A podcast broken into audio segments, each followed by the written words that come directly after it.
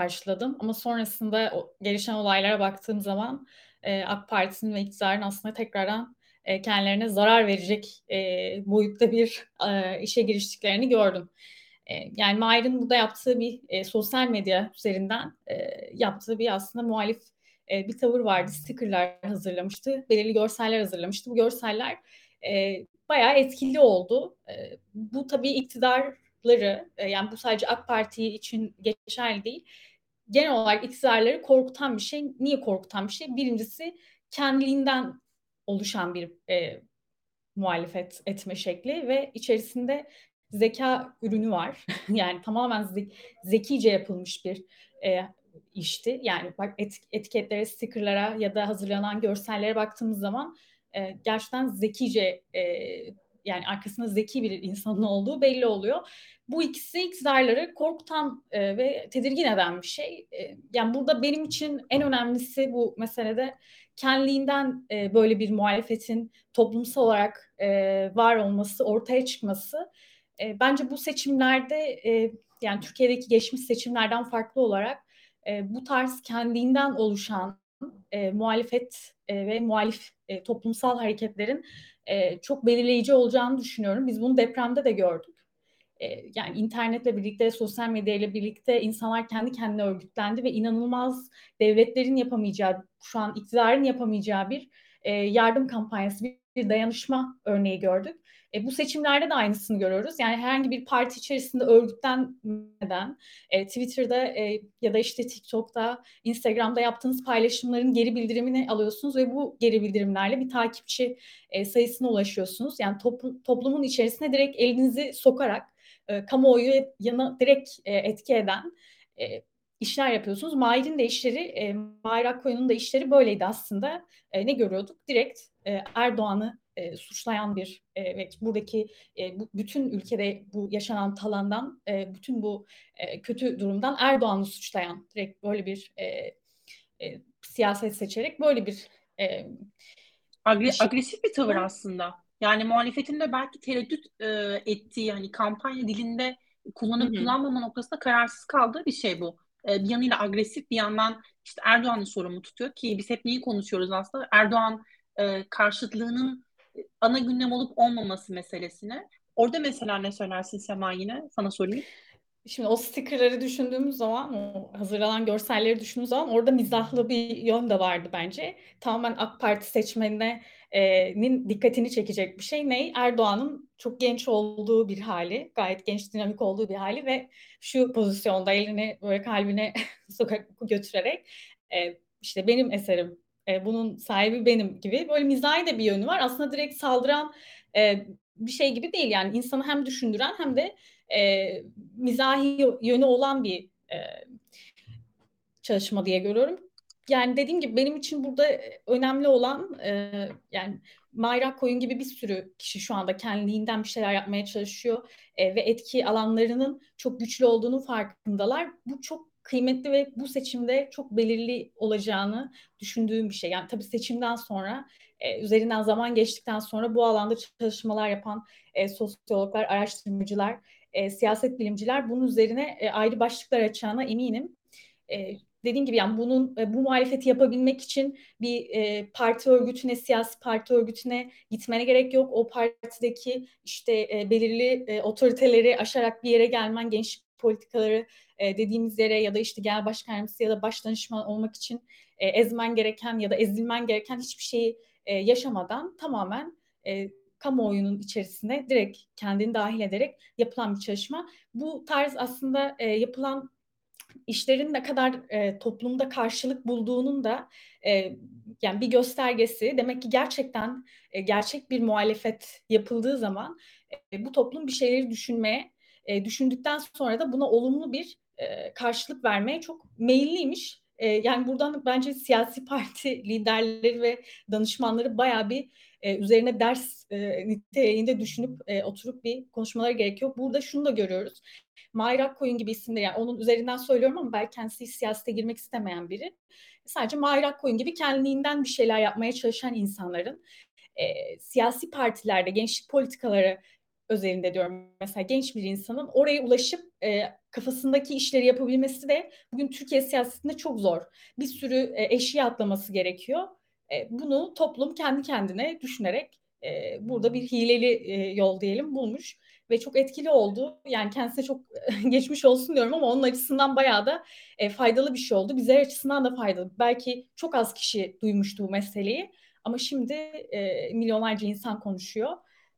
Devamının da geleceğini düşünüyorum ben. Bu tarz aksiyonların, bu tarz e, kendinden oluşan toplumsal e, muhalefet e, alanlarının daha da genişleyeceğini düşünüyorum toplumun da buna e, AK Parti'nin e, Mahir Akkoyun'a verdiği bu gözaltı işte e, cezasının değil. Yani orada çünkü bir cezalandırma da var. Mahir Akkoyun üzerinden hepimize aslında verilen bir mesaj var. Bak sen böyle kendi kendine bir şeyler yapamazsın. Tamam mı yani?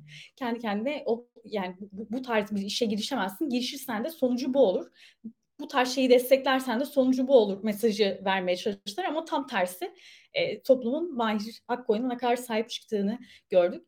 Partilerden önce, partilerin C, partilerin gençlik politikalarından e, ya da işte avukatlarından önce toplumun e, tepki verdiğini ve Mahir için destek çağrıları yaptığını gördük.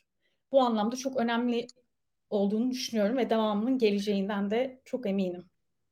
Ben de bu ülkede artık e, ceza hukuku bağlamında bir eylemin sonuç doğurmasının ölçütünün aslında etkililiği e, meselesindeyim. Hani Erdoğan'a ya da AK Parti'ye zarar verme ihtimalinin e, tek kriter olduğunu düşünüyorum. Ama e, bilmiyorum acaba hani kararsız seçmeni etkiler mi? İnsanları bir kez daha düşünmeye iter mi bu sorumluluğu Erdoğan ve Bahçeli'ye aslında yani Türkiye'yi yöneten insanlara aslında en başta sorumlu tutulması gereken insanlara e, nasıl ilişki e, kurulmasını sağlar insanların nezdinde, toplumun nezdinde. Onu da artık neredeyse bir e, TikTok fenomeni olmaya yaklaşan Türkiye'ye sormak istiyorum. Sen artık e, bu, bu olayı çözmüş gibi duruyorsun aslında. Ben de e, sayende keşfediyorum ve inanılmaz bir akım da başladı aslında bu TikTok evet. Hem onu sorayım sana hem de bilmiyorum evet. sence kararsız seçmenin hakkında soru işareti doğuracak türden bir e, şey midir bu sticker yapıştırma ve e, asıl sorumluluğu aslında e, ortaya koyma iradesi e, belki gösterme. Ne dersin? Hani muhalefetin burada sahiplenmesi gereken bir şeyler var mı? Yoksa aman biz buna karışmayalım. E, yani tabii ki işte e, bir kişinin gözaltına alınması böyle bir eylemden dolayı tabii ki bu hani sahip çıkılacaktır diye düşünüyorum ki öyle de oldu nitekim. Aynen. Ama hani eylemin kendisine sahip çıkmak ya da buradan bir şeyler değiştirmek senin notların ne oldu? Hem de e, TikTok meselesini unutma değerlendirmeyi. Tamam tabii ki de. Ee, şimdi ben kesinlikle kararsız seçmenler için e, etkili olabileceğini düşünüyorum. E, sadece kararsız seçmen değil, genç ve e, oy vermeye gitmeyecek seçmen zaten hani Eylül, Ekim ayından bu yana zaten büyük bir kısmı eridi. Yani çoğunluğu oy vermeye gelecek. E, fakat hem o işte e, daha büyük, büyük yüksek yaş grubundan hem gençlerden kişilere bir şeyleri sorgulatan ya ne oluyoruz ya dedirten ve hani hep bahsediyoruz ya Erdoğanizm diye. E, mesele birazcık oraya çeken ve e, burada biz şunu diyebiliyoruz. E, Erdoğan ve diğerleri yani sadece bir bir adam için bir adam ve ona bağlı. Çünkü artık bir adam diyebiliyoruz. Neden? E, biz artık başkanlık sistemiyle yönetiliyoruz. Yani bayağı her şey artık Erdoğan'ın kalemine ağzına bağlı. E, dolayısıyla her şeyin suçlusu da o. Yani e, bir kişi için geri kalan 81 milyonu mu yakacağız biz? Bence e, buna günlük bir yerden itiraz etmek olabilecek en naif, en doğal. Belki bir işte geçen hafta Nursema'yı konuşmuştuk. Bu haftada ne bileyim e, sempati duyan e, ama kararsız olan bir teyzeyi, e, tontik bir teyzeyi düşünelim. Yani e, belki de bunu görünce ya bu gençler ne yaşıyor e, diyebilir ki e, hakaret yok e, aşağılama yok. Başarılı bir sinizm var. Başarılı bir e, taşlama var orada. E, ben de kendim e, bu çektiğim bir kaşarlı simit videosu vardı havalimanında. Orada da tabii ki çok açık aranmaya çalışıldı. Yok işte burası havalimanı, işte yurt dışında da böyle, şöyle. Yani e, öncelikle ona da bir cevap vereyim. E, her havalimanı, havalimanı böyle olmadığı gibi ben içeri girdiğimde kendime ya bunun fiyatı evet gerçekten yüksek ama ben yani şu an canım çekiyorsa bunu alabilmeliyim diyebilmeliyim bir Türk vatandaşı olarak. Ve bunun sebebi ve o havalimanı içerisindeki işte kirası yüksekmiş bilmem neymiş simit sayını falan suçluyorlar. Ee, yani e, bunun kirası yüksekse bunun sorumlusu da Erdoğan. Yani Mahir e, Erdoğan sayesinde demişti. Ben çünkü Erdoğan demiştim. Ve bunu yediren gitsin e, Erdoğan'a oy versin o zaman demiştim. E, o belki mesela bunu e, daha belki e, nasıl desem naif bir dille bunu bir daha oy verdiğin zaman düşün. Belki onun markete böyle bir dilin markete hani birazcık daha e, sertliğinden arındırılarak e, şey yapması üzerinde düşünülmüş bir fikir. Mesela benimki tamamen doğal. O, o an gerçekten gözüm doldu ya. Yani çünkü ben şunu anlatmaya çalışıyorum insanlara. Ben açıktan ölmek durumunda değilim. Yani e, bir şeylerden şikayetçi olabilmek için. E, düz vatandaş hani sıkışıyorum. E, zaten hani mesleğimin işte eğitimimin e, şeyini birikimini alamıyorum. Buranın bana sağlayamadığı kaynaklardan, alternatiflerden ötürü e, ucu ucuna yaşıyorum. Ailemden şey yapıyorum. Ya ben sürekli bir hesap e, muhasebe vermek durumunda kalıyorum. Halbuki vatandaş olarak o muhasebeyi ben değil. O muhasebeyi bir kişi verecek. O da Erdoğan ve Erdoğan'ın getirdiği o re, şey düzen. Ve 22 senedir bu iktidarda olduğunu da tekrar tekrar hatırlatarım istiyorum. TikTok videolarına gelen yorumlara baktığınız zaman çoğu AK Partili. E, koyu AK Partili ve ben de zaten etiketlerimi AK Parti'den seçiyorum. Yani ee, ben bu insanların görmesini... Sen bu işi çözmüşsün. sen bu işi çözmüşsün. Herhalde bunun bug'ı bu. Hmm. Yani e, o, o, o gelenlere e, aldanıp şey yapmamak lazım. Şu an zaten Cumhurbaşkanlığı seçimine baktığımız zaman Erdoğan ve anti Erdoğan olarak görürsek eğer e, seçmenlerin çoğu muhalif. Yüzde altmışı muhalif. Yani mesele hani o Cumhurbaşkanlığı Kılıçdaroğlu Erdoğan arasında bölündüğünde birazcık o rakam azalıyor be işte e, hani 50 artı biri zorlama muhabbetlerine giriyoruz. Ama seçmenlerin çoğu muhalif ve yeni oy kullanacak seçmenler de muhalif. İnce'ye oy kullanacak seçmenler de muhalif. Böyle baktığımızda oradaki kişilerin hani biz ayırt edemiyoruz orada herkes cevabını vesaire yazmıyor ama birilerine bir şekilde ulaşıyor ve biz e, bir milletvekilinin olduğu gibi bir oyun da peşindeyiz. E, dolayısıyla çok olumlu buluyorum. E, yani karar seçmen bağlamında benim görüşüm bu. Bir şey daha söylemek istiyorum. Bunu çok takdir ediyorum. Yani ben benim mimar olarak ben de tasarım disiplininden gelmiş bir insanım. Ee, ilham her yerden alınır. Hatta birisini kopyalayarak işin günün sonunda o kopyaladığınız kişiden çok daha farklı bir tasarımla, bir ürünle e, kendi özgünlüğünüzü ortaya koyabilirsiniz. Dolayısıyla mesela Mahir'in yaptığı şeylerden bir tanesi de buydu. E, koyup onu işte open source açık kaynak olarak paylaşmak. Bunu paylaştı. E, bunu kopyalayanlar başka bir şey getirdi. Üzerine başka bir şey koydu. Başka bir ekip sanırım Mahir'den tamamen bağımsız sticker yaptı. Orada hatta yorumlarda şey gördüm. Eski devrimci e, şeyi e, taktiğidir bu sticker meselesi falan diye. Oradan biri gelip onu kaptı. Dolayısıyla biz birden farklı grup veya kişi farklı şeyler deniyor ve o farklı şeyler sonunda kolektif bir tane çok büyük işe e, evriliyor. Belki Saraçhane'deki demokrasi nöbeti de böyleydi. Yani bir kişi çıktı orada grubuyla çağrıda yaptı e, biz oraya icazet ettik. Kendi grubumuzla geldik. Eğer biz gelmeseydik, öbürü gelmeseydi, öbürü gelmeseydi, öbürü gelmeseydi orada anlamlı bir kalabalık olmayacaktı veya ilk günler en azından motivasyon kaynağı olmayacaktı. Yavaş yavaş büyüdü ve sahiplenildi. O kolektif ruhu, e, o AKP'nin bize öğrettiği haset olmayan ruhu tekrardan canlandırmış olduğumuzu ben düşünüyorum aslında.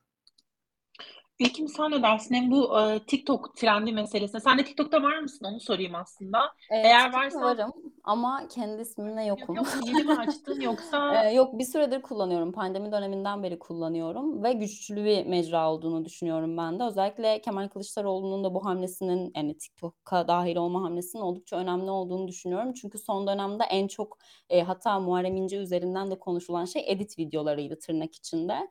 E, özellikle genç seçmeni ilk kez oy kullanıyor kullanacakları ve bundan sonrasında ileriki dönemde oy kullanacak seçmen için bu edit videoları dediklerimizin sosyal medyada aktif olmanın son derece önem teşkil ettiğini düşünüyorum. O yüzden yakından ben de TikTok'u takip ediyorum aslında.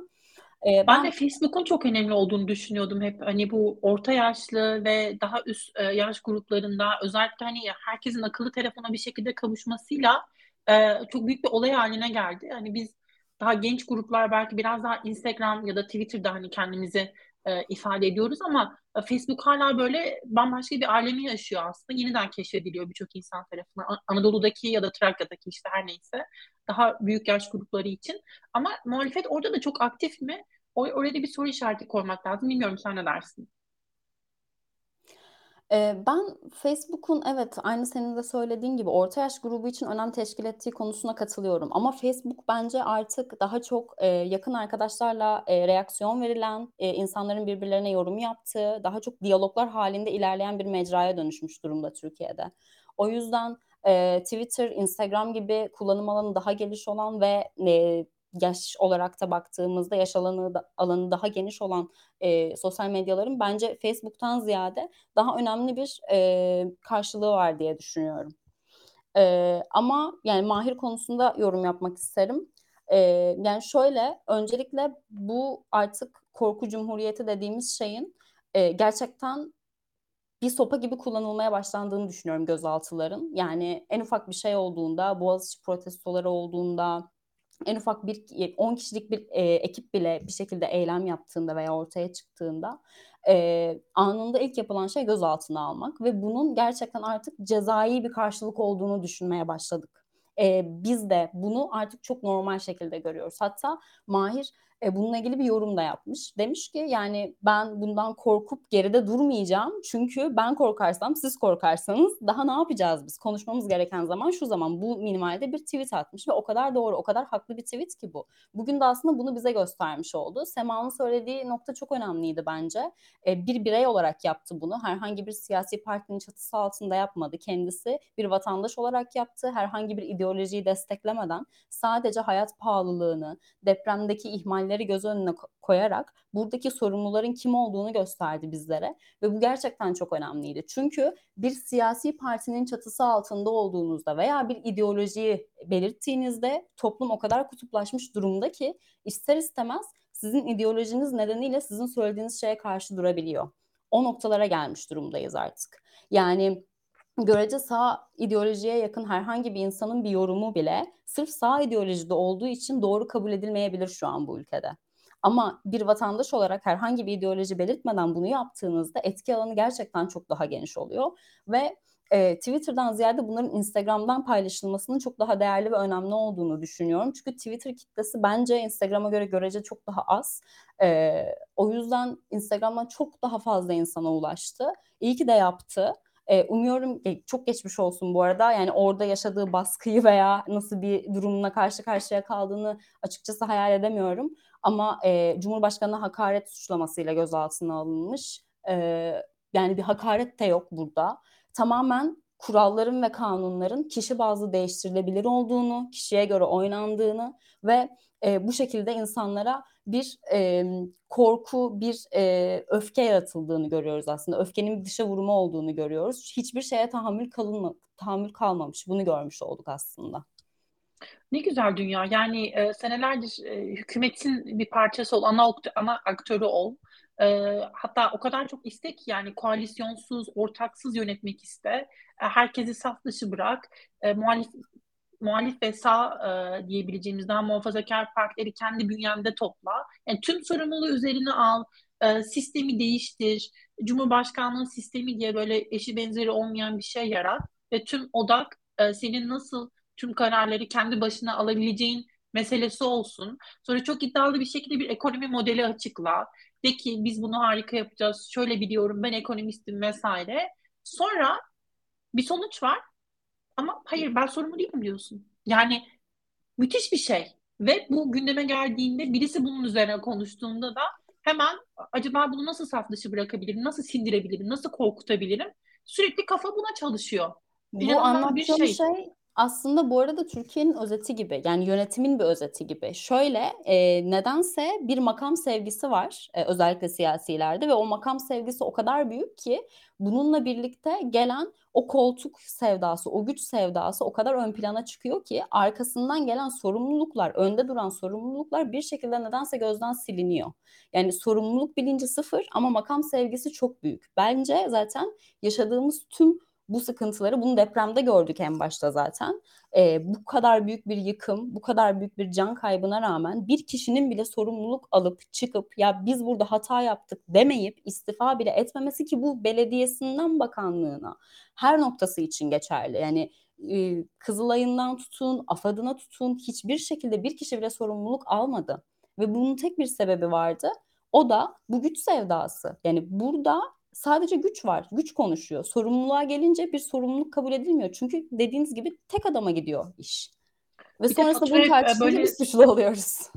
Bir de fatura hep böyle hani bilmediğimiz güçler, böyle hayalet e, görmediğimiz üç harfli mi artık? Kimse. Birileri var ya o dış güçler midir nedir? İç güçler dış güçler iç düşmanlar dış düşmanlar.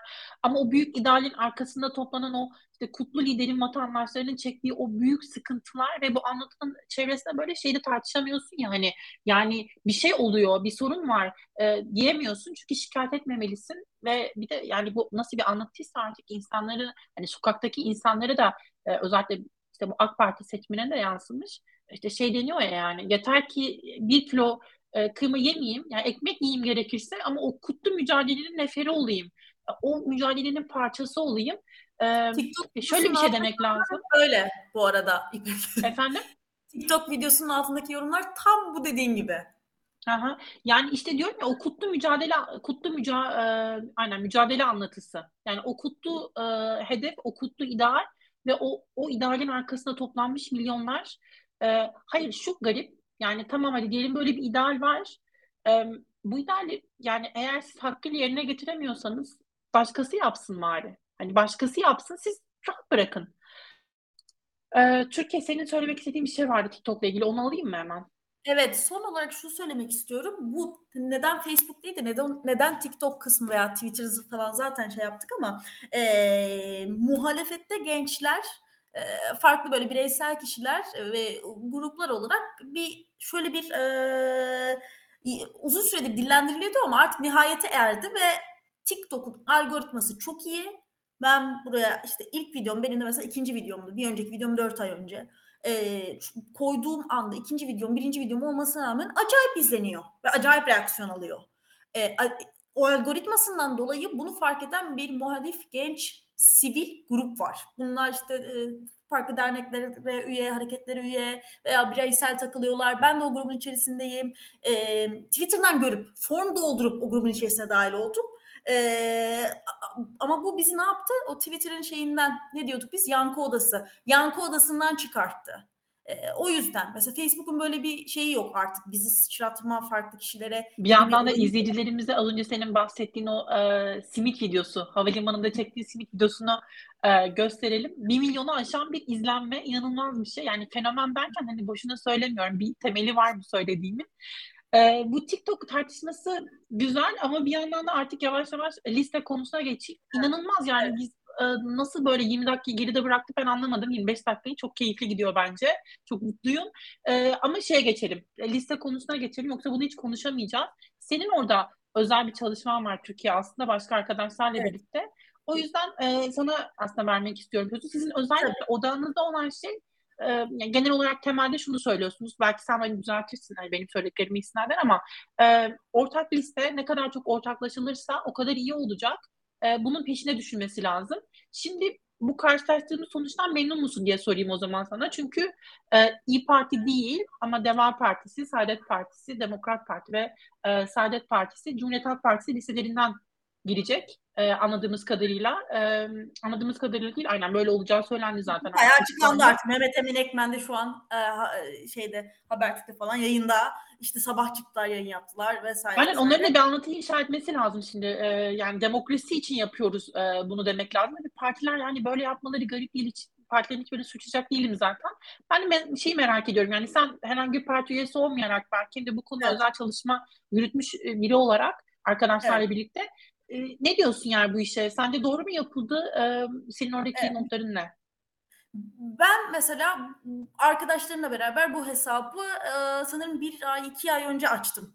E, bundan biraz daha önceye gidersek benim fikrim şuydu. Deva Gelecek ve Saadet Partisi için açıkçası söyleyeyim. E, ya hani burada bir vekillik yarışı var ve bundan dolayı e, bu partiler e, işte Kemal Kılıçdaroğlu'nun adaylığını destekliyorlar. E, çok açık ve net bir şekilde söyleyeyim. Bu muhabbet buydu aslında ve ben bu yüzden e, buna tepkiliydim. Fakat şunu fark ettim ki özellikle bu oradaki iç şeyi bilemem. Hani bunu reddetmiyorum. Hani üzerine çizdik. Aa böyle değilmiş demiyorum. Var olabilir olmayabilir. O çıkar kısmı beni ilgilendirmiyor. Ama ortak liste yapmak şu an zaten eğer DEVA kendi anketlerinde kendisine çok fazla hani e, ayrı olarak gir, girmeyi bir risk olarak görüyorsa toplam milletvekili adedi için e, o zaman girmemesi gerektiğini zaten kendi kendine fark etmiştir. Bunun da bir amacı vardır. Aslında nedir? Deva Partisi de e, altılı masanın yani Millet, Millet İttifakı'nın bir parçası artık ve Millet İttifakı'nın bir net vaadi var. Güçlendirilmiş parlamenter sisteme geçmek. E bunu yapmak için bizim 360 milletvekiline veya direkt 400 milletvekiliyle e, referanduma sunmadan anayasa değişikliği yapma e, ihtimalimiz var eğer Millet İttifakı en en güçlü vaadini yani bu sistem değişikliğini başkanlık sisteminden yani Anta Erdoğan'a e, geçme vaadini tamamlayamayacaksa e, o zaman bu ittifak neden vardı? Dolayısıyla biz ne kadar burada bazı işte hani vekillik savaşı vesaire gibi böyle... Bu arada e, birkaç görselinizi de göstermek istiyorum. Tabii hani ki. senin savunduğun argümanı desteklemek için belki onları da biraz açıklarsın izleyicilere. Tabii ki.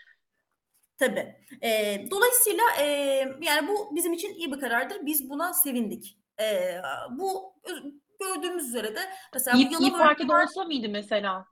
Biraz e, şimdi ona, ona da ayrıca değineceğim İyi Parti e, olayına ayrıca değinmek istiyorum ama bu görsel üzerinden açıklarsak yani aslında çok açık e, üst kısımda e, Cumhur ve Millet İttifakı'nın yani MHP'nin şu son güncellemelere bakmayın. Önümüzde pazar gününe kadar e, Üç gün var değil mi? Üç gün var. O üç gün içerisinde listelerini değiştirebilirler. Bakın yeniden Refah ittifakı girmeyeceğini söyledi ve girdi. E, milletvekili listeleri de hala açık listeleri değiştirebilirler. O yüzden e, ihtiyatlı olmada fayda var. Dolayısıyla biz Cumhur İttifakı'nda da Millet İttifakı'nda sanki ortak liste yokmuş ve ortak liste varmış gibi iki senaryoda inceledik. İlk senaryoda üç vekil çıkan Yalova'da e, Cumhur İttifakı 2 2 Millet İttifakı bir alırken e, ikinci senaryoda yani ortak listeyle Millet İttifakı öne geçiyor. Şimdi Rize örneğine bakarsak burada daha bence ilginç bir e, şey var eğer onu açabilirsek. Bakalım. En başta olması lazım. Rize en başta. Rize yok mu ya? Tamam. Var var. Ama. Rize neredesin? Tamam. Evet. Bulduk. Aynen. Bakın burada ortak listesiz Millet İttifakı bu don't sisteminden çok bahsediliyor ya. Onu artık o sistemi açmayıp iç matematiğini şöyle varsayım artık kabul yapalım. E, dominasyonu olan partiye e, siz böyle yüzdelik virgüllük e, rakamlarla oy oranlarıyla e, vekil kaptırabiliyorsunuz. Yani oy oranınız değişmese bile ortak listeyle getirmenin don sisteminden ötürü getir, e, getirdiği avantaj ve dezavantajlarla birlikte e, Millet İttifakı sıfır hiç milletvekili çıkama, çıkaramazken bir milletvekili çıkarabilmiş haline geliyor. Nerede? Cumhurbaşkanının kalesi Rize'de. Ve Cumhurbaşkanı yardımcılarımızdan bir tanesi de e, Trabzonlu. Yani Karadeniz'in çocuğu. E, dolayısıyla e, bizim yapmamız gereken nedir burada? Bu listelere karar verildikten sonra işte Rize'de tek listeyle mi giriyoruz? 360 için ortak hesabımızı mesela bundan sonra yapacağı hedef şudur. E, buranın adaylarını desteklemek. Ve hani şu, şu muhabbet var ya işte Deva'nın Saadet'in işte e, seçmeni işte CHP'ye orada oy verir mi? E, vermesi için gerekli şeyleri anlatırsak bakın biz aylardır e, güçlendirilmiş parlamenter sistemin üzerinde çalışıyoruz. Bu yüzden bu işi yapıyoruz.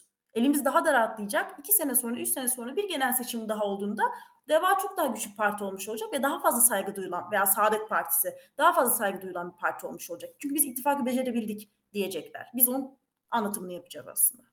Evet, Partilerin İYİ aslında Parti. belki oradaki e, üzerine düşen şey de o İyi Parti ile ilgili unutma Türkiye onu birazdan tekrar döneyim. Hem de sen su iç biraz dinlen. Ee, Sema'ya sorayım aslında. Orada Türkiye'nin de böyle sona doğru dikkat çektiği bir mesele var. O da şu e, bu parti teşkilatlarının aslında motivasyonu ve o bölgelerdeki insanların başka partinin logosuna mühür bas, basarken e, ortaya nasıl bir e, şey koyup koymayacakları meselesi. Sesim gıcırtılı mı geliyor acaba? Neyse ben o zaman susuyorum. Sema'ya veriyorum sözü tam, tam o noktada aslında. E, ne diyorsun bu konuya?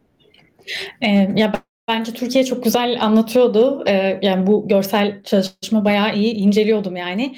Bu motivasyon işi partilerin işte kendi logosunu görme ve kendi oy oranını görme gibi bir e, kaygıları var. Yani hem Deva Partisi ile işte Gelecek Partili ya da Saadet Partili siyasetçilerle konuştuğum zaman bunu söylüyorlar. Hem kendi oyumuzu görmek istiyoruz e, yani potansiyelimizi ölçmek istiyoruz diye. Ama şimdi bu da bana çok e, açıkçası bencilce geliyor. Yani kader seçimi diyoruz bu seçim için. İşte e, yolun artık ya sonu olacak ya da başı olacak Türkiye için diye.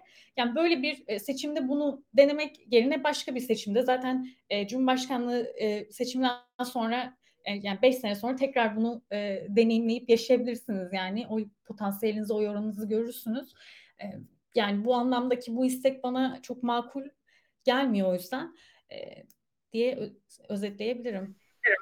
Ee, İlkim sana döneyim. Sana da özellikle şeyi sormak istiyorum. Ee, henüz daha konuşamadık onu. Ee, Türkiye İşçi Partisi ve Memleket Partisi meselesi. Bir de bu hani şeyler var. Yani seçmen kendini hep konuşuyoruz ya seçmen kendini alternatif siz hissetmesin aman e, o işte Memleket Partisi işte ya da bu Türkiye İşçi Partisi meselesi ki Türkiye İşçi Partisi'nin inanılmaz bir momentumu da var aslında. E, bilmiyorum onu nasıl taşıyabilecekler. Bilmiyorum sen de gözlemliyor musun? Onunla ilgili ne söylersin mesela? Böyle bir şey mesela işte CHP'nin hiç şey çıkarmadığı yani yok olmadığı ama İyi Parti'nin mesela belki gözüktü. Nasıl sonuçlar doğurur sence? Ee, en baştan başlamak istiyorum senin için de uygunsa. Öncelikle şu küçük bir detaydan e, bahsetmek isterim. E, biz şimdi dört partinin CHP listesinden aday olarak girdiği bir senaryodan konuşuyoruz. E, bunun çok küçük de olsa ben e, özellikle böyle çekimser e, Saadet Partisi'nde olan ve CHP ile e, ittifak nedeniyle Saadet Partisi, Deva Partisi, Gelecek Partisi gibi e, partileri destekleyen e, seçmenlerin e, aynı CHP listesinde olmaları nedeniyle belki yeniden Refah veya e, AK Parti'ye kayabilme ihtimalleri olduğunu değerlendiriyorum. Ama dediğim gibi bu çok küçük e, belki 0,5'lik bir etki yaratacaktır. Ancak bence böyle bir etki olabileceği de değerlendirilmesi gerekiyor. Yine de e, şu anda bence de dört partinin birlikte bir aday çıkarıyor olması doğru olan hareketti şu an iki ilerleyiş için. Öte yandan İyi Parti'nin de ayrı kalması önemliydi. Çünkü az önce söylediğim gibi yani bu noktada çekimsel olan insanların oy kullanabilmesi için yani Cumhurbaşkanlığında Kılıçdaroğlu'na vermek istiyor ama meclise CHP'den bir aday sokmak istemiyor. O zaman e, bu ittifak içinde oy verebileceği bir parti olmuş oldu. İyi Parti kaldı dışarıda. Bu açıdan İyi Parti'nin ayrı durmasının nacizane özellikle o 60 ilde e, şu an bildiğimiz kadarıyla 60 il değerli ve önemli olduğunu düşünüyorum. Tipe gelecek olursak e, ben tipin şu anki ilerleyişinin bir e, Türkiye'de bir sol parti yani, eksik olan sol parti e, ihtiyacını doldurmak ve orada aslında temelde bunu mecliste bulunarak yapmak ve temsil etmek, sol görüşlü insanları temsil etmek olduğunu düşünüyorum. Ancak şu anki konjektürde yani 2023 seçimlerinde bir sol parti ihtiyacından öte şu an Tayyip Erdoğan kalacak mı, gidecek mi? Yani ilk derdimiz şu anda nacizane bu olmalı.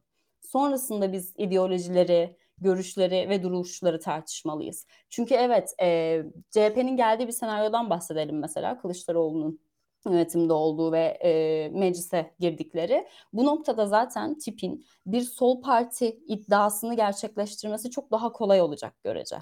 Bu nedenle e, o noktada bence burada konumlanmaları ve bu şekilde ilerlemeleri gerekiyordu. Bu nedenle de yani şu bir listesinden mi girmeliydiler? Ee, yani HDP ile birlikte bir liste oluşturmanın ben çok daha doğru bir hareket olacağını düşünüyorum. Sonuçta günün sonunda bir ittifak kuruldu ama orada da mesela bu noktada çekimsel olmalarının nedeninin e, HDP'nin özellikle seçmen gözünde etnik bir parti olmasından kaynaklandığını düşünüyorum. Yani seçmen bunu böyle tanımlıyor. Yurt dışında da bu şekilde tanımlanıyor ve belki de o etniklikten, o milliyetçilikten ayrı kalmak istiyorlar. Yani bunun milliyetçi ifadelerin çatısı altında olmak değil, daha sol görüşlü, daha sol e, ifadelerin yer aldığı bir e, parti çizgisi kurmak istiyorlar kendilerinde. Ama bu seçim o seçim miydi? Bence değildi. Yani ilerleyen süreçte yapılması gereken bir şeydi bu. Çünkü şu gerçek e, tip şu an gerçekten CHP'de CHP'ye oy vermek istemeyen ve çekimsel olan birçok insanın oyunu atacağı e, pa- yegane parti olacak. Bu gerçekten doğru olan bir şey. E, günün sonunda bunun bir artısını görecek miyiz, görmeyecek miyiz? O kısmı verilen ile göre çok değişecek maalesef. Ya bir de şöyle bir şey e, yani Türkiye İşçi Partisi'nden yapılan tüm açıklamalar biz böyle bir e, tehlike değiliz. Böyle bir tehlike yaratmıyoruz e, minvalinde. Ben de katılmıyorum. Bence böyle bir tehlike yaratıyorlar Yani bayağı. bu imkansız. Yani imkansız derken şu şekilde imkansız demek istiyorum. Şimdi HDP'nin oyunu e, zaten yani HDP'nin kemik bir yüzde sekizlik yüzde dokuzluk bir oy oranı var. Bu e, hiçbir şekilde yatsınamaz bir gerçek. HDP kendi adayını çıkardığı sürece, kendi listesini çıkardığı sürece HDP seçmeni zaten o tarafa gidecek. Bu da bir gerçek. E, tipin kendi yüzde üç hatta yüzde üç virgül üçlük bir oy oranı var. Ancak bundan bir yıl öncesine kadar 1,5 iken 3,3'e yükselmiş oy oranının büyük bir çoğunluğunun ben yine sol görüşlü olan, görece CHP'ye veren bu zamana kadar ancak artık daha sol görüşlü olan bir partide yer almak isteyen seçmenlerden oluştuğunu düşünüyorum. Özellikle de genç seçmenlerden oluştuğunu düşünüyorum. Çünkü sosyal medyayı çok iyi kullanan bir parti tip. Nasıl seslenmesini gerektiğini çok iyi bilen bir parti ve bunu aslında bence e, bu seçimde çok net göreceğiz. Çok ciddi bir oy potansiyeli yaşayacak burada. Ve e, yani dışarıdan bakıldığında e, çok net bir şekilde görüyorum ki kendi çevremden de duyuyorum insanlarla da konuşuyorum bu konuda. E, bu zamana kadar CHP'ye vermiş birçok insan bu raddeden sonra artık tipe vereceğini söylüyor. Bir de Türkiye İşçi Partisi'nin hani ben benim naçizane yorumum orada e, Türkiye İşçi Partisi'nin yaptığı muhalefet tarzının e, önemli olması. Yani özellikle bu tür baskı rejimlerinde e, Cumhuriyet Halk Partisi gibi e, daha merkezde belki ya da daha e, daha korkak olarak mı ifade etsem yani bazı konularda daha temkinli çok fazla temkinli ve bence ağır da kalan e, bir siyaset tarzı var. Ben yani Türkiye İşçi Partisi'nin temel hak ve özgürlükler anlamında çok önemli bir işlevinin olduğunu düşünüyorum. Hatta şöyle bir iddiam vardı. Liberal demokrasinin liberal, liberal demokrasiye sahip çıkacak olan da aslında e, Türkiye İşçi Partisi her ne kadar farklı bir ideolojiyi temsil ediyor olsalar da diye düşünüyordum ama e, bilmiyorum bu seçimlere katılım nasıl sonuçlar doğuracak. Bir de şeyden bahsediyorlar. E, yani bu yüzde üç oy alıp e, bir bütçeye sahip olma meselesi, bir e, destek alma, hazineden destek alma mes- e, meselesi. E, sanırım bu da önemli ve bir parti olarak da hüviyet e, kazanma belki. Ama nasıl sonuçları olacak hem de böyle kritik bir dönemde. Onlar da bir haklı olarak şunu söylüyorlar belki. Hangi dönemi bekleyeceğiz acaba? Ne zaman gelecek o şey? Çünkü biz uzun zamandır tüm seçimlere e, ölüm kalım e, mottosuna girdiğimiz için hep e, o şekilde mobilize edildiği için muhalefet bu da haklı bir soru olurdu herhalde. Utku Bey'in bir yorumu vardı. Mansur Yavaş asfaltlara Yavaş soyadını mı yazıyormuş falan herhalde dalga geçiyordu. Bilmiyorum açıklayabilirse eğer çok gördüm. Türkiye İşçi Partisi ile ilgili bir yorumu var. Ee, üslubunun sert olduğu ile ilgili. Doğru. Ben de aynı fikirdeyim açıkçası. Ee, ama bazı konularda da gerekiyor sanki üslup sertliği. Ama hangi konularda o da artık tipin kendi bileceği iş herhalde. Yani onların nasıl siyaset yapacağını da e, bilmiyorum seçmenleri karar versin. E, Türkiye sen ne dersin bu İyi Parti konusu? Senin ağzına tıktım lafı özür dilerim. Sen bir yandan görsel e, bu e, team araştırmanın görselini hep kullanıyoruz. E, evet. Olur Kuru'yu e, takip edenler zaten biliyorlar ve bizim yayınlarımızda da hep e, oluyor. Kendisi anlatıyor ama bir yandan da bizim anlattıklarımızı desteklemesi bağlamında belki. Onların hani çalıştığı bir senaryo var. E, Cumhur İttifakı'nın e, yani işte partilerin ve ittifakların ayrı ayrı ya da işte hangi formasyonlarla girerlerse ne tür sonuçlar hangi oranlarıyla çıkar e, noktasında. Tabii bunun şu an işte MHP'nin e, ayrı listeyle girmesi vesaire yani onları tam yansıtamıyor olabilir. E, ama elimizdeki en güncel şey bu. Listeler verildikten sonra muhtemelen daha güncel şeyler üzerinden konuşuyor olacağım. Bu dilerim. Partiyle ve oradan sonra da propagandası için başlaması lazım. Şimdi e, bu onun üzerine yorum yapmayayım da bu tim araştırmanın şeyin e, şunu söyleyeyim e, bilgi olarak. E, şimdi 30 büyük şehirde CHP ve İyi Parti e, ayrı olarak girecek. E, biliyorsunuz seçime girme kriteri için hani 41 ilde girmesi lazım ve burada 11 e, şehir daha kalıyor aslında. E, burada yani aslında burada başka bir yöntem denerler mi diğer kalanlarda bilmiyorum o 11 şehirde. Şimdi e, İyi Parti ve CHP dedi ki 5 vekilden az e, çıkaran illerde biz e, fermuar sistemiyle gireceğiz dedi ve bunu da 10 il için yapacağını şimdilik 10 ya da 12 idi. Farklı haberler gördüm çünkü yapacağını söyledi. Fakat 5 vekilden az 50 tane il var.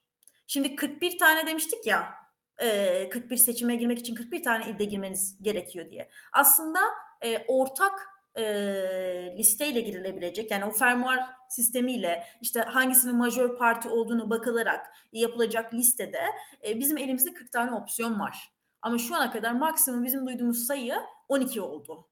Dolayısıyla hani geri kalan 3 gün içerisinde aslında bizim e, yapmamız gereken şu e, İyi Parti her zaman milletinin sözünü dinlemiştir. E, son yaptığı açıklamaya da bakarsak. Eminim burada millet baskı yaparsa onlar da parti fark etmeksizin millet derken e, millet on, milletin sözünü dinleyeceklerdir o anlamda diye düşünüyorum. Bence o sayının maksimize edilmesi lazım. Çünkü e, işte Memleket Partisi'nin girdiğini düşünelim vesaire vesaire bir takım riskli öngöremediğimiz kayıplar olacak. Onları öngöremesek, öngöremiyorsak bizim yapacağımız şeyler risk azaltıcı eylemlerdir. Dolayısıyla o sayıyı maksimize etmek lazım. Ben İYİ Parti'nin özel girme e, isteğini anlıyorum. Ve CHP de baktığımız zaman hani yani İyi Parti iktidarın bir ortağıdır. E, fakat CHP e, şöyle söyleyeyim popülasyon bağlamında da işte yani işte üyesi üye sayısı bağlamında da geleceği pozisyonlar bağlamında da çok gücün toplandığı bir parti olacaktır. Dolayısıyla İyi Parti'nin o gücü e, birazcık sulandırması diyeyim. E, yani gücü yani şuradan şuraya alması bile bizim için Türkiye için iyidir. Bu aslında mesela şımarıklık vesaire falan da deniyor ama e, burada birazcık dengeli olmak lazım. Ama İyi Parti'nin de bunun hesabını, matematiğini çok iyi ortaya koyması lazım. Yani 40 ilde yaklaşık pardon e, evet 40 ilde yani 50 ilden işte o 10 ili daha çıkarttım. Toplam 40 ilde siz 5 milletvekilinden az illerde şey yapabilirsiniz. E, fermuar sistemiyle işbirliklerini arttırabilirsiniz. Böyle bir e, talep oluşturalım. Ee, yorum vardı. Ee, Türkiye İşçi Partisi'nin sosyal konularda e, işte fena olmadığı ama ekonomide daha Marksist bir yerde durduğu ile ilgili. Aslında orada da yumuşama var. Yani e, bir de işte bu sol geleneklerde böyle şey var ya e, aman işte sen yeterince sol değilsin, sen işte yok e, Gıcırtı benden mi geliyor bilmiyorum. Şu an gelmiyor. Harika. Ee, işte sen yeterince sol değilsin. Aman yok e, sen yeterince şey değilsin. Hep böyle bir test, birbirlerini teste tut, tabi tutma meselesi ve inanılmaz da e, birbirlerini dışlayabiliyorlar. İnanılmaz farklı fraksiyonlar da olabiliyor.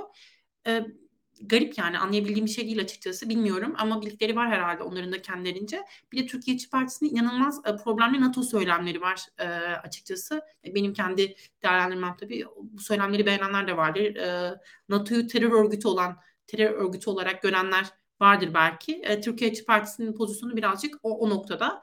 E, Sema sen sana biraz daha şeyi sorayım istersen. Bu deva gelecek e, Saadet Demokrat.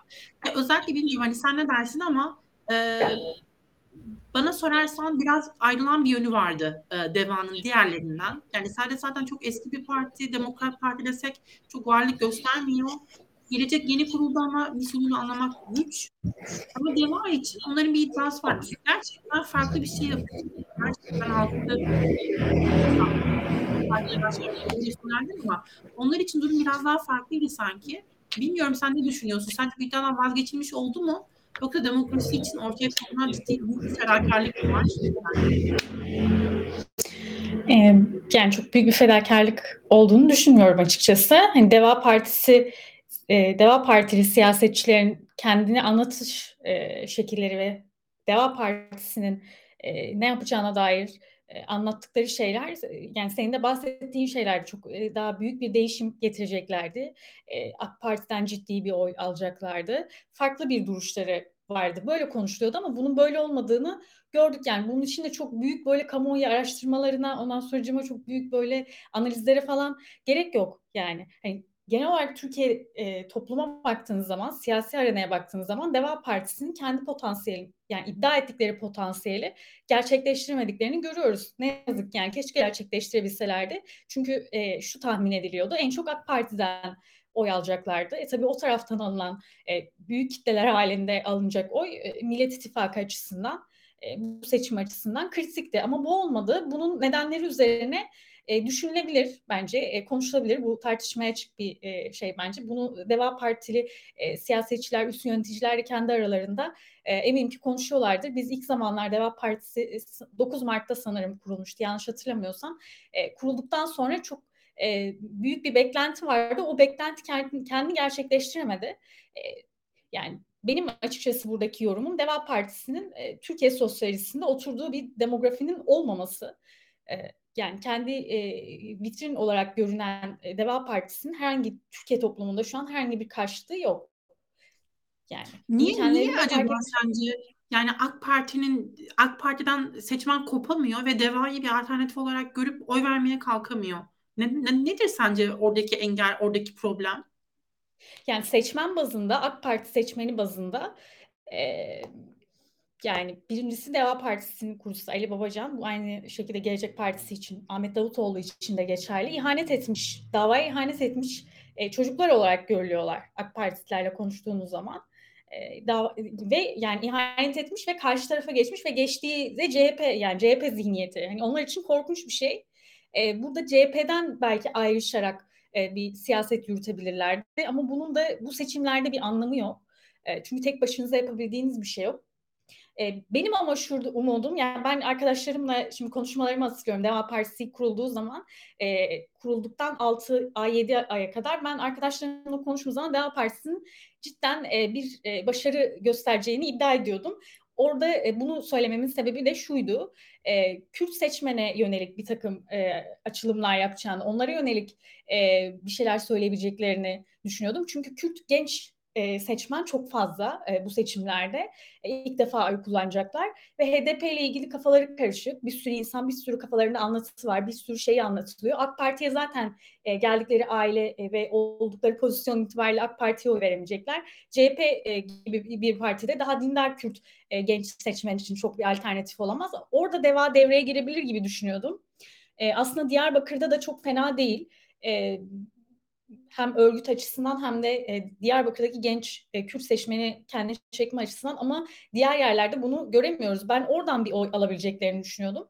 Yani AK Partili seçmen konusunda AK Partili seçmeni e, ikna etmek için ya da kendine çekmek için böyle çok e, acayip e, ekonomik ya da işte eğitim konusunda falan çok böyle büyük şeyler söylemenize e, bence gerek yok. Deva daha oraya e, odaklandı. Bu arada hazırladıkları eylem planları e, yani bence üzerine tartışılıp konuşulması gereken kaliteli içerikler.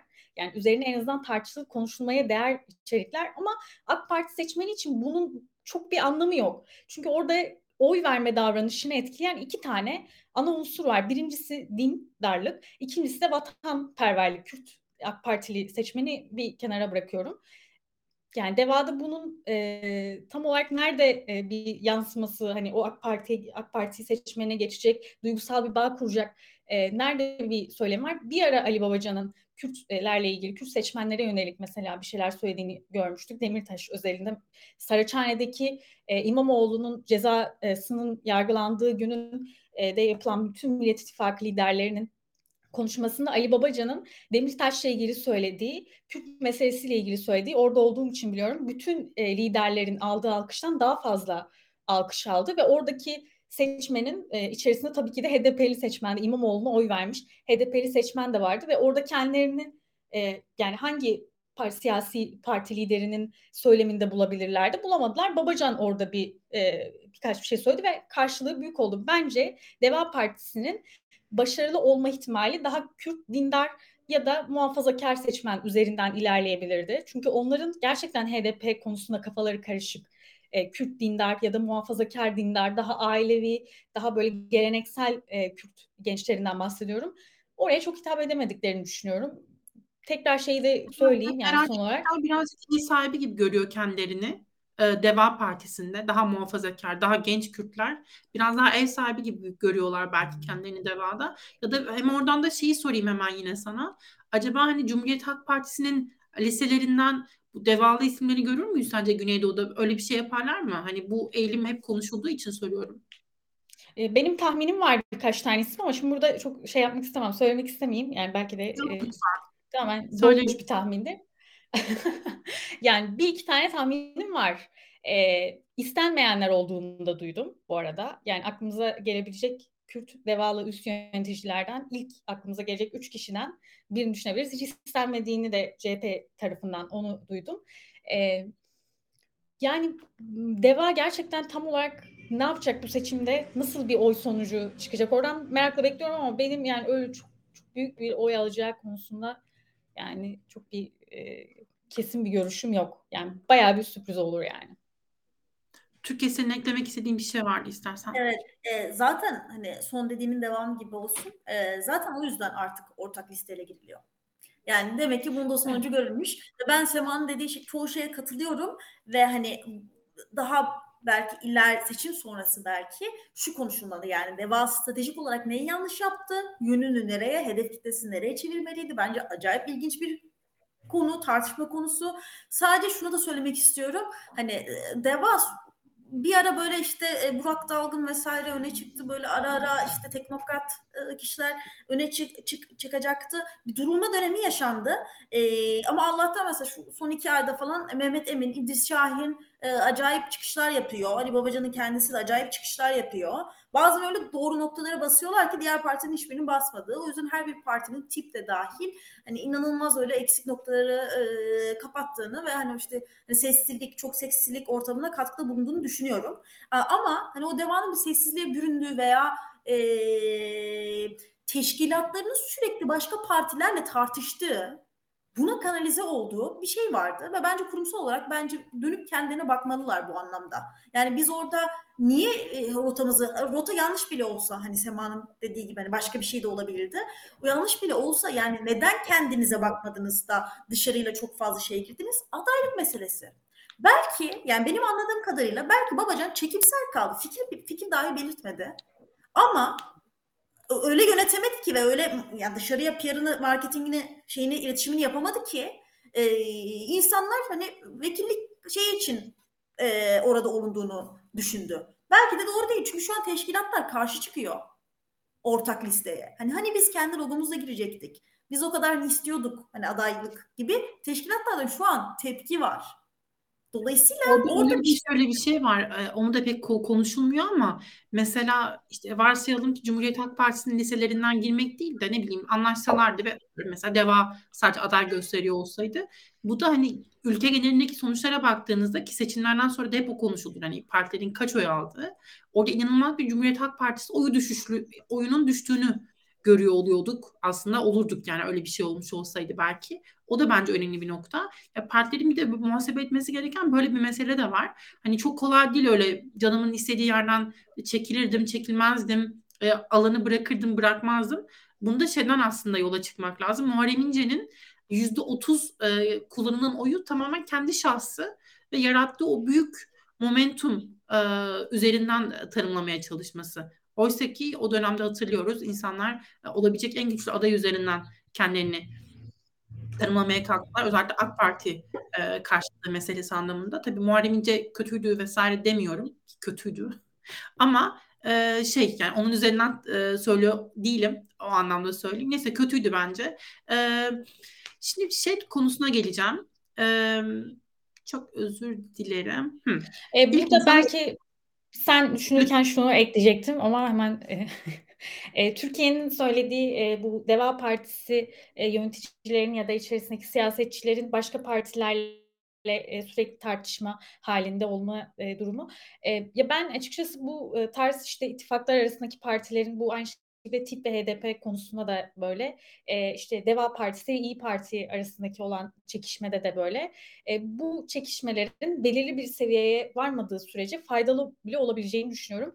E, ve Deva Partisi ile İyi Partisi'nin İyi Parti arasındaki yöneticilerin arasındaki çekişmenin bugün işimize de yaradığı e, noktaların olduğunu düşünüyorum. Yani bu tarz e, tartışmalar iki taraflı oluyor bence. Bunu da e, vurgulamak lazım. Yani Deva Partisi e, yani İyi Parti bir karşılık vermediği e, gibi bir şey düşünemeyiz verdiği söylediği tepkiler. Aynı şekilde İyi Partili ben çok fazla siyasetçiden Deva Partisi ile ilgili e, söylenilmemesi gereken en azından bir gazeteciye söylenilmemesi gereken çirkin ifadeler duydum. E, ama dediğim gibi bunu bu gerilimin e, iyi bir şey olduğunu düşünüyorum. HDP'li tipin arasında yaşanan gerilimin dahi tabii belirli bir seviyeye kadar o bir seviyede korunmuş oldu ama gün sonunda baktığımız zaman İyi Parti'de masadan kalkan parti oldu. Yani o e, hatırlıyorum yani da tabii masadan kalkmadan önce Burak Avuncu ile bir röportaj yapmıştık. Şunu sormuştum yani siz e, altılı masada sürekli yaramaz çocuk muamelesi görüyorsunuz yani bunun farkında mısınız? Hani kalkacaklar hadi kalkıyorlar herhalde falan gibi böyle bir şüphe var üzerinizde. E, o zaman kesinlikle böyle bir şeyin e, olmayacağını, hiçbir problemin olmadığını ne Deva Partisi ne Kılıçdaroğlu'nun adaylığıyla vesaire böyle bir şey söylemişti ama günün sonunda bunu yaşadık yani. Bunu Orada ettik. Deva'nın pasif kalması da bence e, orada İyi Parti'nin yani bir, bir taraf olmamak bile diğer partinin yani İyi Parti'nin elini e, zayıflatıyordu ve argüman bağlamında. Orada gerçekten ciddi bir seçmen kaygısı varken mesela şu anda Muharrem İnce'nin mesela bir e, işte tepki oyu da olsa muhaliflerden tepki oyu çekmesinin sebebi nedir? Adaylık tartışmalarından belki veya CHP'nin belki e, gençlere yönelik çok da doğru e, uzun vadeli yani yer yer tabii olabilir ama uzun vadeli e, çok da doğru bir kampanya demek ki yürütememiş ki orada bir tepki oyu Muharrem İnce'ye gitmiş. Yani dolayısıyla burada e, Deva Partisi bir de şeyden de bahsetmiyorum bu arada farklı seviyelerde yani teşkilat biriminde de olabilir hani e, yönetim seviyesindekilerden bahsetmiyorum. E, yer yer olmuştur onu kaçırmış da olabilirim ama e, toplumsal bir muhalefet e, atışmasından bahsediyorum. Yani onun üyeleri, takipçileri arasındaki atışmalardan bahsediyorum. E, o kontrol edilebilirdi.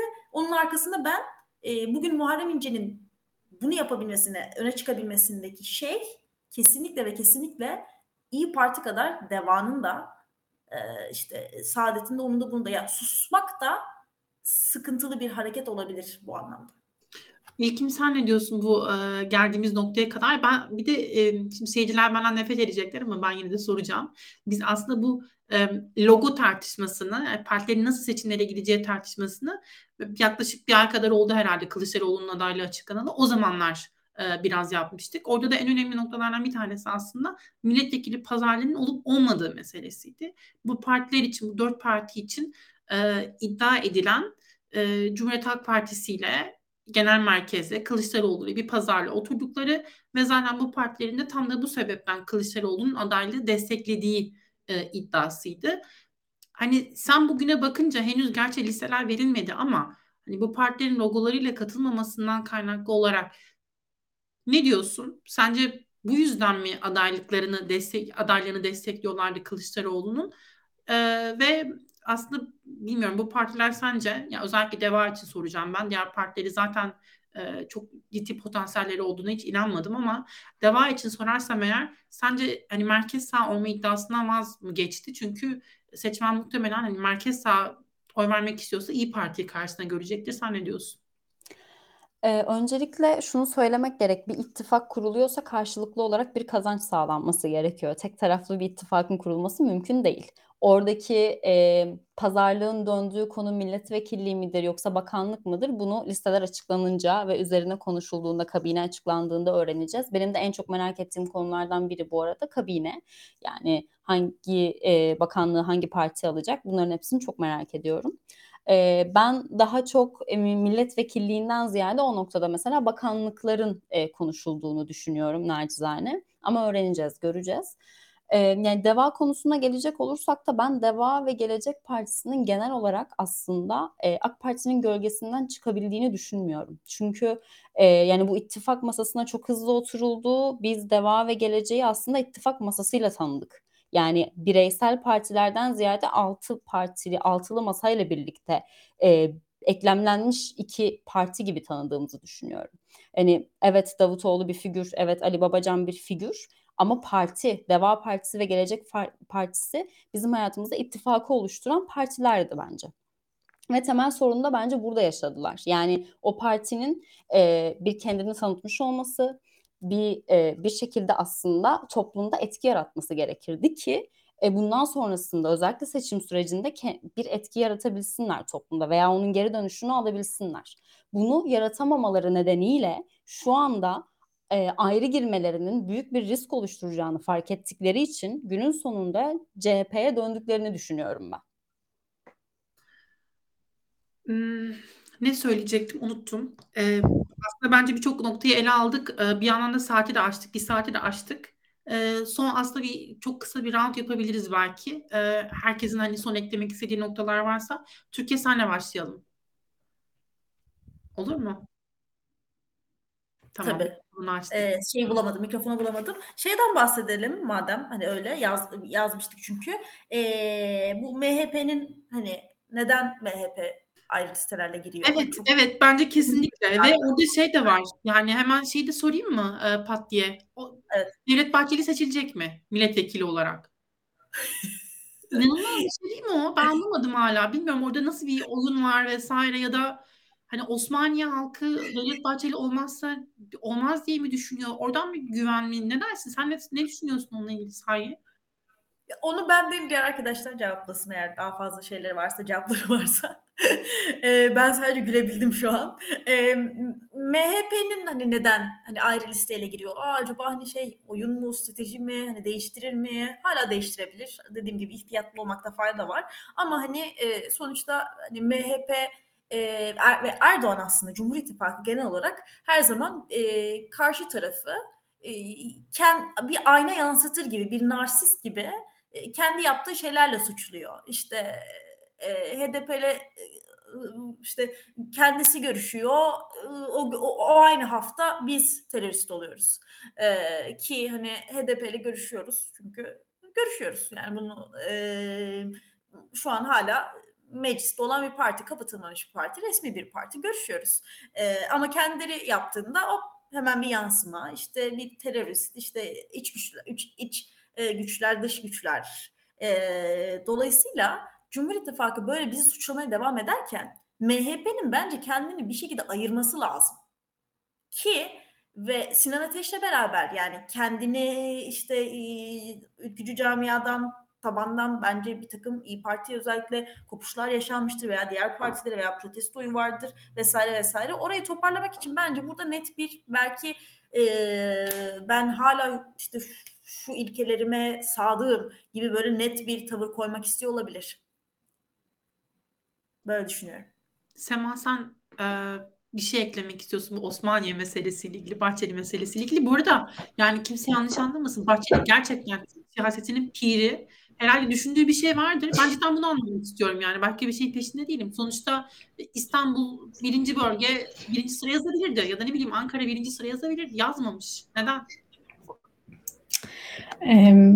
Yani bu konuda şunu söyleyeyim. Öncelikle bir e, Osmaniye'deki yaşayan Osmaniyelilerle bence konuşmak çok önemli bir konuda. E, bu haftaki planlarımdan biri Osmaniye'ye gidip e, Bahçeli'nin adaylığıyla ilgili ne düşünüyorlar diye onlarla konuşmak. Çünkü unuttuğumuz bir şey var burada.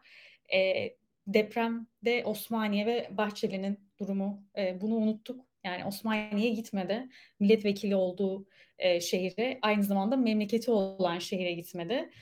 E, ya ben bunu şuna benzetiyorum. Çok karikatürize edeceğim. E, kusura bakmayın ama hani böyle bir e, insanın ilişkisinde de bu vardır. E, bir arkadaşınıza ya da işte erkek arkadaşınız, kız arkadaşınız, arkadaşınıza karşı mahcupsanız ve o ilişkinin ya da o arkadaşlığın sona çok yaklaştığını gördüğünüz vakit, görüldüğü vakit, yani bu benim insanlarda gözlemlediğim bir şey. E, sanki hiç öyle hataların yokmuş gibi, sanki haksız olan sendeymişsin gibi bu ilişkinin ya da bu arkadaşlığın bitmesinde e, senin sorumluluğun yokmuşcasına daha böyle bir cesaretle, özgüvenle e, konuşmaya falan başlarsın. Bahçeli'nin bu kararını böyle yorumluyorum. Yani Osmaniyeli e, yani seçmenler zaten bugün Ulaş Tol'un bir tweet'i vardı. E, 2018'de bile geriye düşmüştü MHP.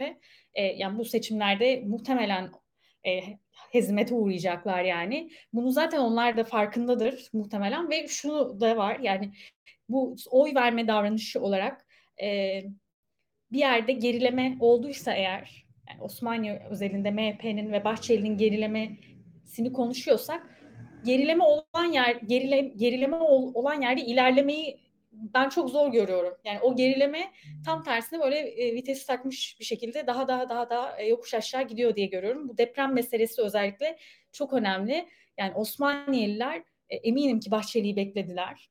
Yani çok, çok travmatik bir olaydı deprem ve hani e, kendi siyasetçini orada göremiyorsun. Neyi görüyorsun? Bugüne kadar terörist ilan ettiğin HDP'yi orada çorba dağıtırken görüyorsun. TKP'yi görüyorsun. Osmaniyeliler açısından söylüyorum. Ve kendileri, e, kendi siyasetçilerin, kendi işlerinden çıkmış e, siyasetçilerin savunabilecekleri hiçbir şey kalmadı. Yani konuşmadan bir şey söylemek istemiyorum ama muhtemelen buna benzer şeyler duyacağım diye tahmin ediyorum. Savunacak hiçbir şey yok. Bahçeli'nin bu kararında dediğim gibi bu böyle ilişkilerde de böyledir. Arkadaşlık ilişkilerinde de böyle çok gördüğüm bir davranış, bir patent yani.